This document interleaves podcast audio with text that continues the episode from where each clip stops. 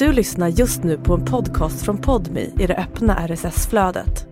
För att få tillgång till Podmis alla premiumpoddar helt utan reklam, prova Podmi Premium kostnadsfritt. Ladda ner appen i App Store eller Google Play. Jag kan känna mig lite nervös av bara tanken egentligen att ta upp telefonen och bli påkommen och- förbereder och vad jag ska hitta på och säga att jag gjorde om hon skulle vakna. Viktor och hans sambo ska gå och lägga sig i sin dubbelsäng i den lilla stugan som de hyr. Det är mörkt ute en sen augustikväll i Stockholms skärgård. Hon somnar och jag eh, försöker hålla mig vaken fast jag är också väldigt, väldigt trött och vill egentligen sova. Eh, det här är viktigast. Ljuset är släckt. Viktor väntar tills han är säker på att sambon sover. Och då plockar jag upp mobilen och det pirrar liksom i hela kroppen. Mobilen lyser upp. Bestämmer att jag tar bara fem knapptryck till, sen ska jag sova. Klockan blir ett på natten. Två, tre, halv fem, åtta. Alarmet ringer. Viktor lägger ifrån sig mobilen och låtsas vakna samtidigt som sin sambo. Jag ljög om, om allt. Eh, ekonomi. Det blev alltid mer och mer och mer.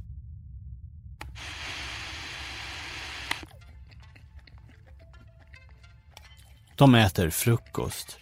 Han går till jobbet. Det är en helt vanlig morgon. Det var ingen som kunde ana att jag spelade hela tiden. Jag hade skulder eh, upp över öronen.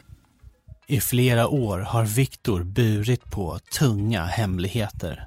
Och hon kommer fram till mig och, frågar mig varför du är så svettig för. För jag börjar svettas och eh, maxpuls och eh, jag får inte ut några ord. Jag försöker hitta på någon lögn efter lögn och, och, och till slut, jag kommer inte på någon lögn. Jag ger upp.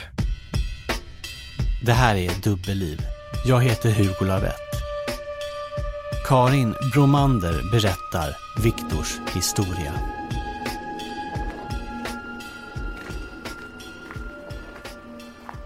Vi är i ett litet villaområde nära havet norr om Stockholm. Hej! Här bor Viktor tillsammans med sin sambo och deras två katter. Loke och Lillemor. Jag ska bara låsa dörren. Den här stora katten kommer här som man öppnar den. Oj! Lite smart den här grabben. Lite för smart ibland. Viktor är i 30-årsåldern och arbetar i restaurangbranschen. Han växer upp i en småstad i Mellansverige. Där bor han tillsammans med mamma, pappa och två bröder. Han tycker om sport och fiske. Och han har en trygg uppväxt, berättar han. Men så länge han kan minnas har han haft en osäkerhet inom sig.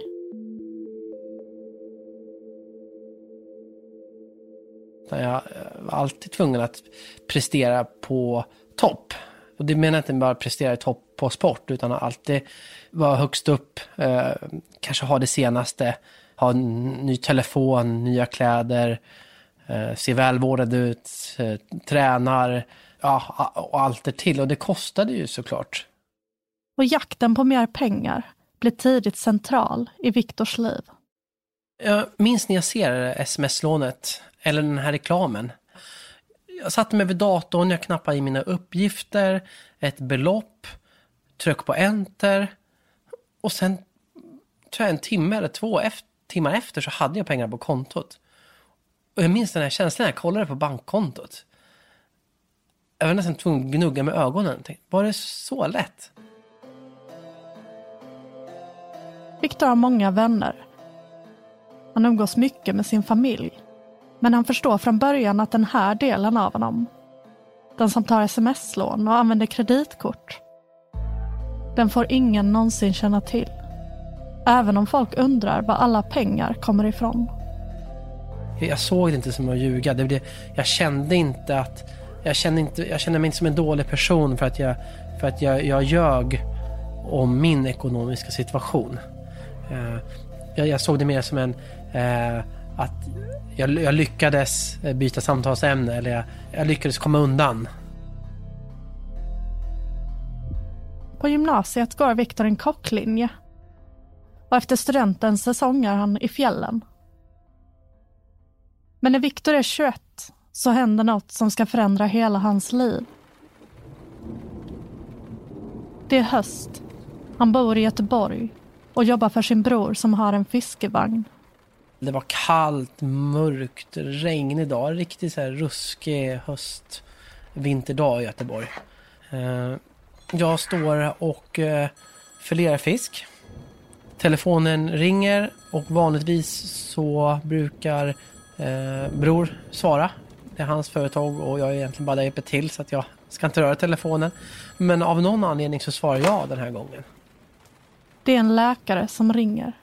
Eh, läkaren berättar att eh, min mor har fått hjärtinfarkt och att eh, hon inte gick att rädda.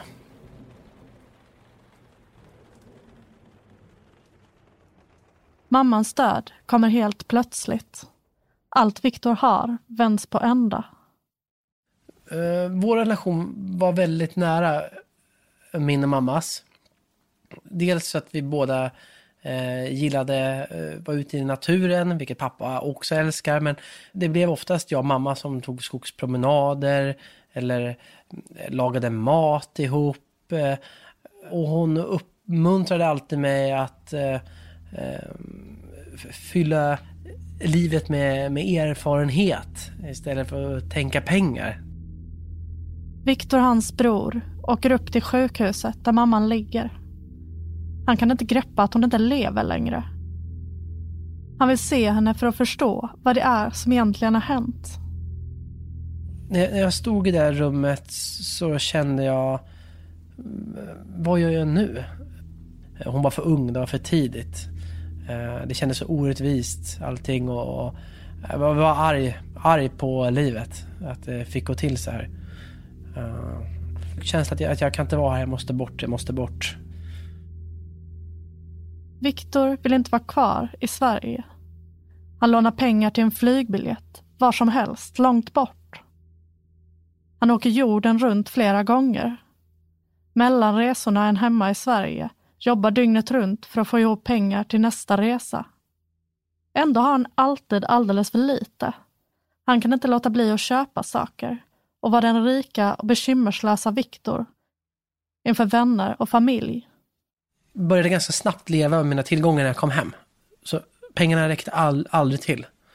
Så, så det blev ett, ett tydligt mönster. Det spelar ingen roll om jag jobbade 50 timmar eller 400 timmar. Eh, jag var aldrig nöjd och behövde alltid komplettera eh, med de här sms-lånen och, och kreditkorten. Viktor fortsätter på samma sätt i flera år. Han reser, pengarna tar slut. Han åker hem, jobbar dubbla jobb men lyckas aldrig spara några pengar. Lånar för att kunna visa upp sig för vännerna hemma. Lånar för att kunna köpa nästa flygbiljett. När Viktor är 22 sitter han på ett internetcafé i Bangkok i Thailand. Hans flyg hem till Sverige ska snart gå. Pengarna är slut. De allra sista går till att sitta framför datorn, kolla mejlen och skicka bilder på snövita stränder för att göra vänner och familj avundsjuka. Det var varmt och fuktigt och riktig värmebölja. Och eh, jag ska logga in på Facebook. Så ser jag en eh, sån här banner, en reklam för eh, internetkasino. Den blinkade och hade sig. Den, den utmärkte sig. Det var främmande för mig och jag blev, jag blev lite nyfiken. Och jag minns att i, i den här reklamen så, så var det ett erbjudande också. Som jag kände mig lockad av. Ett, ett, eh, ett jag ska inte säga ett pirr, men, men jag, jag, såg det som en, kanske en chans att inte behöva åka hem. Tänk om jag vinner pengar. Jag, jag är blank, jag har inte råd att köpa kaffe. Jag har inte råd att köpa lunch. Jag har precis så här många baht så att jag kan sitta här en timme på internetcaféet. Sen måste jag till flygplatsen. Så det blev som en liten, litet, en liten stund där, där en möjlighet uppenbarade sig. Det är inga stora summor han spelar om den här första gången. Det enda han har råd med är det gratisspinn som reklamen utlovat. Men någonting väcks inom honom. Ett frö har såtts för det som ska komma att bli den största och viktigaste delen av hans liv. En del som hålls hemlig för alla andra. När han är 25 har han precis kommit tillbaka till Sverige. Han ska vara i Strömstad över sommaren. Jobba som kock, bo hos sin pappa och försöka tjäna ihop tillräckligt med pengar för att kunna åka iväg igen. Men så händer något som gör att planerna ändras. Under den här sommaren så träffade jag en eh, tjej. Hon kom från en välbärgad familj som är entreprenörer och, och driver verksamheter runt om i världen och, lever i en helt annan värld än vad jag gör. Jag eh, uppsöker frisören, fixar frisyren, eh, börjar träna, börjar jogga lite, eh, eh köper nya snygga jeans, eh, par nya fina sneakers, eh, fixar en fin skjorta, en så här randig sommarskjorta kommer jag ihåg. Eh, ja, väldigt stilig helt plötsligt. Eh, Viktor blir Viktor 2.0. Jag köpte på mig ganska mycket kläder och, och, och, och skor vet jag. Från den här lite mer avslappnade eh, Viktor i sina resekläder till ser ut som en riktig så här, Stockholms citykille från en dag till en annan. Den nya Viktor har råd med allt. Den nya Viktor kommer också från pengar. Började väl måla upp mig själv lite som, ja, lite häftigare. Och, och framförallt att jag var, eller hade det väl ställt. Att pappa, han har en stor lägenhet i Strömstad, jobbar i Norge, tjänar bra. Viktors nya flickvän tror att han lever bekymmersfritt med miljoner på sparkontot. Hon vet inte att han lever ett dubbelliv. Någon vecka in i vårt förhållande så berättade hon då att de skulle till Sydafrika.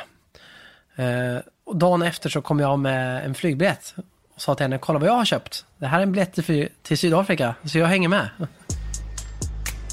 Viktor börjar en ny fas i livet. Han hänger med sin flickvän världen över till ställena där hon studerar. Till Sydafrika, till Schweiz. Han bjuder på middagar, de gör äventyr tillsammans. Först bor de ihop och då säger han att han lever på sparpengar. I Schweiz får han jobb som kock och en egen liten lägenhet några timmar bort från hennes universitet. Jag är helt slut på pengar. Jag, jag får ganska svårt att upprätthålla någon form av, av, av en livsstil eh, och att leva. För att jag kommer dit och börjar jobba ganska omgående men, men får inte lön först månaden efter. Och hon är helt ovetandes om det här. Hon, hon är då tre timmar ifrån. Och, och, här, i det här skedet, så börjar jag spela mer eh, kasino. Den andra delen av hans liv, den han håller hemlig för alla andra, växer sig allt större. Jag börjar läsa mycket om spel och, och hur vinner man stor vinst. Och jag, jag behövde vinna pengar för jag, jag, jag var eh, blottad. Jag vägrade erkänna det. Utan jag hade lösningen. Jag vägrade eh, berätta för någon eller berätta för henne. Eller, utan jag, jag tänkte som jag tänkte i Thailand, i Bangkok. Att, att eh, jag kan vinna storvinsten. Det, det var mitt mål. Under hela den här tiden har Viktor och hans pappa bra kontakt. Det var samma gamla Viktor. Väldigt godhjärtad. Så det, det är som eh, mina vänner och bekanta då som har träffat honom mycket och säger att det finns inget ont i den personen. Det, Det är en sån där riktigt varm och god människa. Jag tror inte han har några ovänner. Jag kan inte tänka mig det. De pratar i telefon ofta. Så fort han är hemma i Sverige så hälsar han på. Ja, kan, kanske lite mer märkeskläder. Jag var ju lite misstänksam. Alltså hur har du råd med allt det här? Men han hade ju förklaringar hela tiden. Pappa Ulf är socionom och beteendevetare. Har jobbat inom företagshälsovård och på behandlingshem. Han undrar ändå någonstans hur Viktors liv egentligen går ihop. Jo, jag, jag jobbar ju där och där och så har jag tjänat si och så mycket och, och, så har jag jobbat extra och jag har gjort massa extra pass. Så uh, ta det lugnt, sa han bara. Du behöver inte oroa dig. Jag har koll på läget. Och jag trodde ju på det. Jag börjar ljuga mera. Lögner tar upp en allt större del av Viktors liv. Hon märker ingenting men jag ljuger ganska eh, frekvent. För sin flickvän ljuger han om precis allt, även små vardagssaker. Jag började röka. Det ljög jag om. Eh, hon frågade varför jag tog eh, så här, andetag i telefon, eh, när vi pratade i telefon. Och, och då sa jag att jag var tvungen att hämta andan lite. Och hon började ifrågasätta varför jag luktar rök ibland. Och då hittade jag på någon dum bortförklaring att någon hade gått förbi mig och blåst rök på mig. Eller, adderade så mycket saker. Det blev, det blev mer och mer och mer och mer saker hela tiden. Det är med en liten lögn, en vardagslögn, som Viktor för första gången blir avslöjad. Jag snusade. Eh, hon eh, såg det någon gång i början eh, och, och bad mig, nej men måste du snusa? Jag gillar inte det. Jag lovade henne att aldrig snusa. Eh, och det var ett löfte som hon eh, tog åt sig. Eh, och, och, jag hade svårt för det där. Jag, jag fick gå in på toa ibland, eh, snusa en liten stund. Eh, när jag stod och lagade mat. Jag fick försöka gömma undan där. Kom hon in så låtsades jag nysa eller hosta och tog ut. Och, eh, det, det, var svårt men jag, jag, jag lyckades någonstans eh, snusa på heltid utan att bli upptäckt. Tills en dag hon hittar en, en prilla i, eh, i sängen. Viktor och hans flickvän bor nu tillsammans i en lägenhet i Stockholm där hon har fått ett toppjobb. Han är 29, jobbar som kock och är ständigt jagad av sin dåliga ekonomi som går runt på nätkasino och sms-lån. En dag hittar hon en använd snusprilla i deras säng. När jag kommer in i vardagsrummet så håller hon upp den och frågar Vad är det här? Jag känner obehag i, i min kropp. Eh, hjärtat börjar slå snabbare och snabbare. Och, och innan jag ens, ens tänka på det så berättade jag, men min, min kompis var här eh, igår och, och tappade den. Hon bara, men jag var ju här igår. Och, och så hör jag hur dumt det låter att jag, jag, säger någonting som jag inte ens har planerat. Det är en automatisk replik som kommer. Och, och, och sen försöker jag eh, dra till med en annan lögn som blir ännu dummare. Och hon kommer fram till mig och, och frågar mig varför du är så svettig för. För jag börjar svettas och eh, maxpuls och eh, jag får inte ut några ord. Jag försöker hitta på någon lögn efter lögn. och, och och till slut, jag kom inte på någon lögn, jag ger upp. Jag bara, nej, jag börjar gråta, bara, jag har snusat. Och hon blir, eh, och då säger hon, då får du två val. Antingen går du till en terapeut och, och tar upp det med dina lögner och arbetar med det.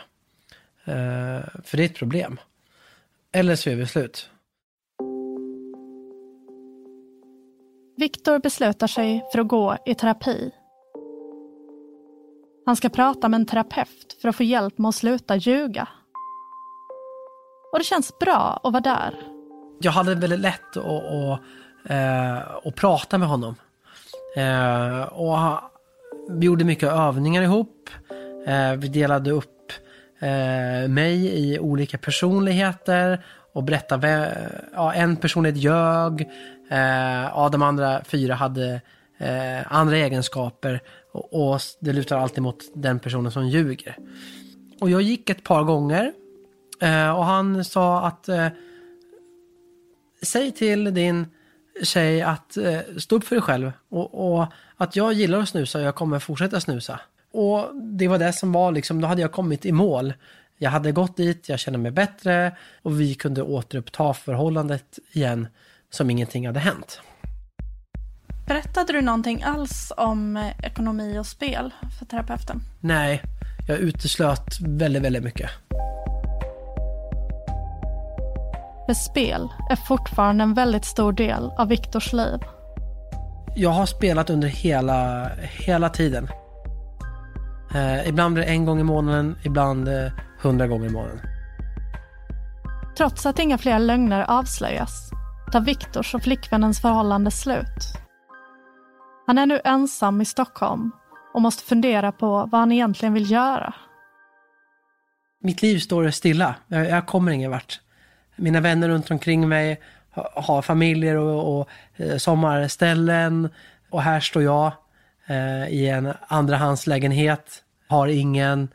Eh, jag jämförde mig mycket eh, med vänner och de runt omkring mig, vad de hade och vad jag inte har. Svaret blir att starta eget företag och konsulta som kock. Med eget företag kan han tjäna stora pengar och till en början går det bra. Viktor får gott om jobb och tjänar mycket. Men snart visar det sig att det kanske inte var så enkelt. Jag trodde jag hade mer pengar än vad jag egentligen hade. Företagen var nytt för mig. Jag kunde inte skilja på statens pengar, mina pengar. Eh, så att jag åkte på mer eh, moms än vad jag hade räknat med. Och fick ta ett lån för att finansiera det här. Under tiden spelade jag eh, ganska frekvent. Jag hade väldigt mycket egen tid eftersom jag var själv. Eh, så i takt med att jag tjänade bättre eh, spelade jag mera. Och när jag tog det här lånet för att finansiera då eh, återbetalningen på momsen. Där och då jag fick en sån här känsla igen med pengar. Med några knapptryck kunde jag ta ut det här stora beloppet.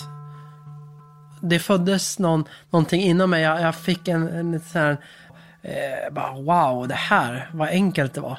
För att jag inser att jag kan ta ett lån så här enkelt. Varför har jag inte gjort det här tidigare förut? Jag har ju bara haft sms och kredit, men nu kunde jag ta ett blankolån som jag inte ens visste vad det var. Så det tog inte så lång tid innan jag tog ett lån till. Som bara är matt till spelande. Först ett lån på 200 000. Sen ett till på 80 000. Summorna som Viktor spelar för växer sig snabbt större.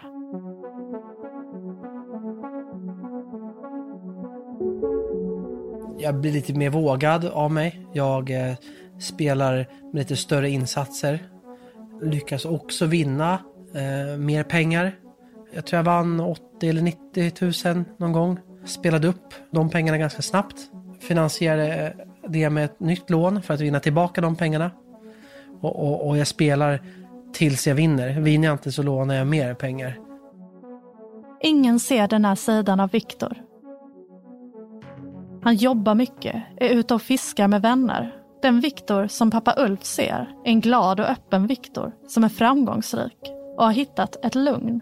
Den bilden jag har är att Alltså nu, nu är det gamla Viktor igen. Det här är ju han. Han ska vara ute i naturen och, och inte ha någon press på sig och, och prestera så mycket. Och, så att eh, det, det var, trodde jag då, några goda år. Och vi, vi pratade inte ekonomi då alls, utan för då var han ju hemma och han hade jobb och han umgicks med kompisar och, och var så glad och trevlig. Och, liksom ingenting på utsidan som, som, eh, som visar vad det egentligen var då. Så han är väldigt manipulerande. Alltså han, han är en duktig skådespelare. Verkligen. 24-7 så var det, eh, fanns det tillgängligt för mig. Han spelar inte längre bara på datorn hemma. Nu finns kasino i telefonen. Jag kan börja spela på eh, på tunnelbanan, eh, på jobbet. Eh, ja, överallt. Spelandet styr varenda del av Viktors liv. Allt annat får maka på sig. Det var födelsedagar, både familj och vänner. Där jag sa att jag hade feber. Arbetsgivare, jag sa att nej men jag var sjuk. Jag hade uppdrag i andra städer ibland. Jag sa att jag missade tåget eller att det hänt en olycka. Jag kunde säga vad, vad som helst egentligen. Och jag kunde få det att låta väldigt trovärdigt.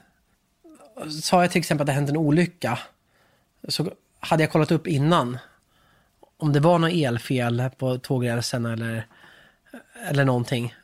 Så att, inte hade, så att jag inte hade avslöjat mig själv. Så att de hade kollat upp det. Så, men du, det är inte ett elfel i hela Sverige. Jag, jag gjorde alltid en liten research innan jag drog en lögn, om det behövdes. Men en dag när Viktor är 30 händer något. Han träffar en ny tjej. Han bjuder ut på dejt, han vill imponera. Fina middagar, äventyr, fina kläder. Gamla lyx-Viktor kommer tillbaks. Men någonting är annorlunda den här gången. Hon blev inte imponerad. Det var inget som eh, bet på henne hur mycket jag än försökte eh, spä på historier, bjuda på middagar. Eh, hon eh, var inte intresserad av det. Det fanns liksom ingen vits för mig att, att Eh, lägga på de här maskerna för hon var inte intresserad. Och hon var genuint intresserad av, av mig, den riktiga Viktor. Samtidigt så fortsatte du att spela? Jag fortsatte spela. Viktor och hans nya flickvän skapar ett liv tillsammans. De flyttar ihop. Jag kunde eh, sitta och fixa på telefonen och, och sa att jag måste göra några jobbgrejer, jag måste skicka det här mejlet. Eh, måste fixa momsen till företaget. Lite längre toalettbesök än vanligt. Eh, ibland när jag borstar tänderna så kunde jag ta med telefonen. Jag kunde ligga uppe på, på nätterna när någon hade somnat. Eh, så att jag försökte hitta luckor eh, där jag kunde spela. Viktors liv är helt delat i två. I den ena delen kretsar allt kring spel och pengar. I den andra är han glad och lugn. Han och pappa Ulf åker på semester till Grekland. Ja, vi hade ju jättetrevligt. Och han visar ju inte av någonting av hur han egentligen mådde då. Utan det var den här gamla vanliga. Han höll masken. Och då umgicks ju dygnet runt i en vecka. Men, men eh, det, kom, det, det, kom inte fram någonting.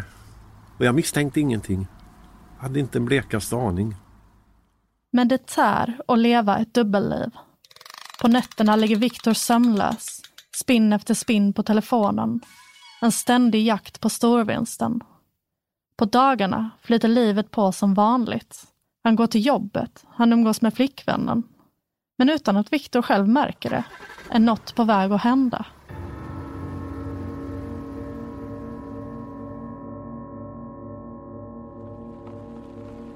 En tidig höstdag, en dag som alla andra, sitter han i bilen på väg för att träna.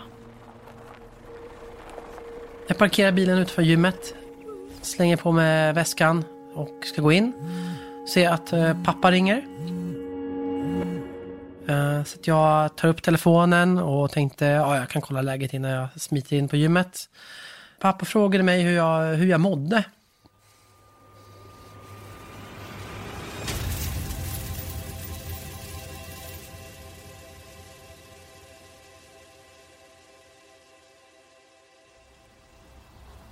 Och så blir det helt tyst. Och så bara storgråter han. Och jag liksom undrar, nej men snälla någon, vad, vad är det som händer? Vad har, har det hänt något? Så jag blir jätteorolig. Och sen när han väl får, uh, uh, kan börja prata igen så sa han, ja, jag måste berätta en sak. Jaha. Att jag är spelberoende. Och jag har spelat bort jättemycket pengar.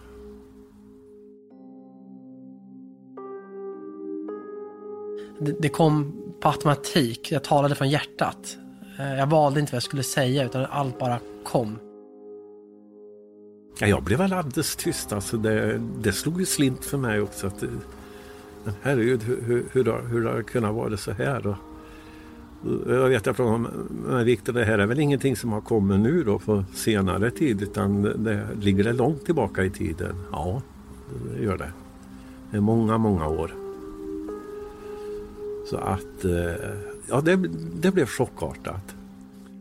Jag kände hur det rann av mig. Eh, hur jag inte kunde upprätthålla eh, lugner och allt som jag strä, eller jobbar så mycket med att eh, hålla uppe för att inte visa för andra, det föll av. Min första tanke var att jag, jag blev arg på mig själv. Att varför har jag inte sett något? Eller har inte, varför har jag inte förstått något? Han, han borde ha signalerat signaler som jag inte har uppfattat då. I den stunden, på parkeringen utanför gymmet, i samtal med pappa Ulf som till vardags är beteendevetare och socionom, tar Viktors dubbelliv slut. Jag var sårbar där och då. Och jag, jag insåg att om jag ska söka hjälp så måste jag göra det medan jag är sårbar. Innan jag går tillbaka till gamla mönster. Det, det är en liten lucka. Och, och jag känner att jag måste ta chansen nu. Samma kväll berättar han för sin flickvän. Med hjälp från pappa Ulf hittar han en behandlingsgrupp och får direkt gå på ett möte. Och det var där och då jag fick lära mig och insåg då att det här är en sjukdom. Jag fick väldigt mycket svar på, på frågor eh, som jag har undrat över under årens gång. Ja, spelandet och, och, och lugnerna, eh, all, allting förstod jag kommer från en gemensam nämnare, beroendeproblemet. Och mitt uttryck blev spel. Idag har Viktor varit helt spelfri i över ett år. Hans ekonomi börjar komma på fötter. Även om det har varit med nya lån så har han alltid skött sina avbetalningar i tid. Han har aldrig hamnat hos Kronofogden. Tänker du att du var beroende av att ljuga? Nej, jag ska inte säga beroende. Jag, jag, blev beroende av att ljuga för att kunna spela.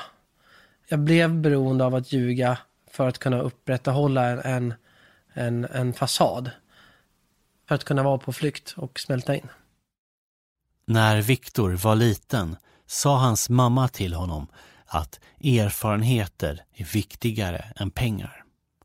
Som vuxen kan han äntligen ta de orden till sig. Det är nu jag förstår vad hon egentligen menade. Och det har gjort att jag har kunnat starta ett nytt eh, kapitel i, i livet där jag kan bli eh, rik på upplevelser tillsammans med min sambo. Du har lyssnat på Dubbelliv, en exklusiv podmi-produktion av Banda. Reporter Karin Bromander. Producent är jag, Hugo Lavett. Exekutiv producent hos Podmi Sofia Neves. Musik av Reese Edwards.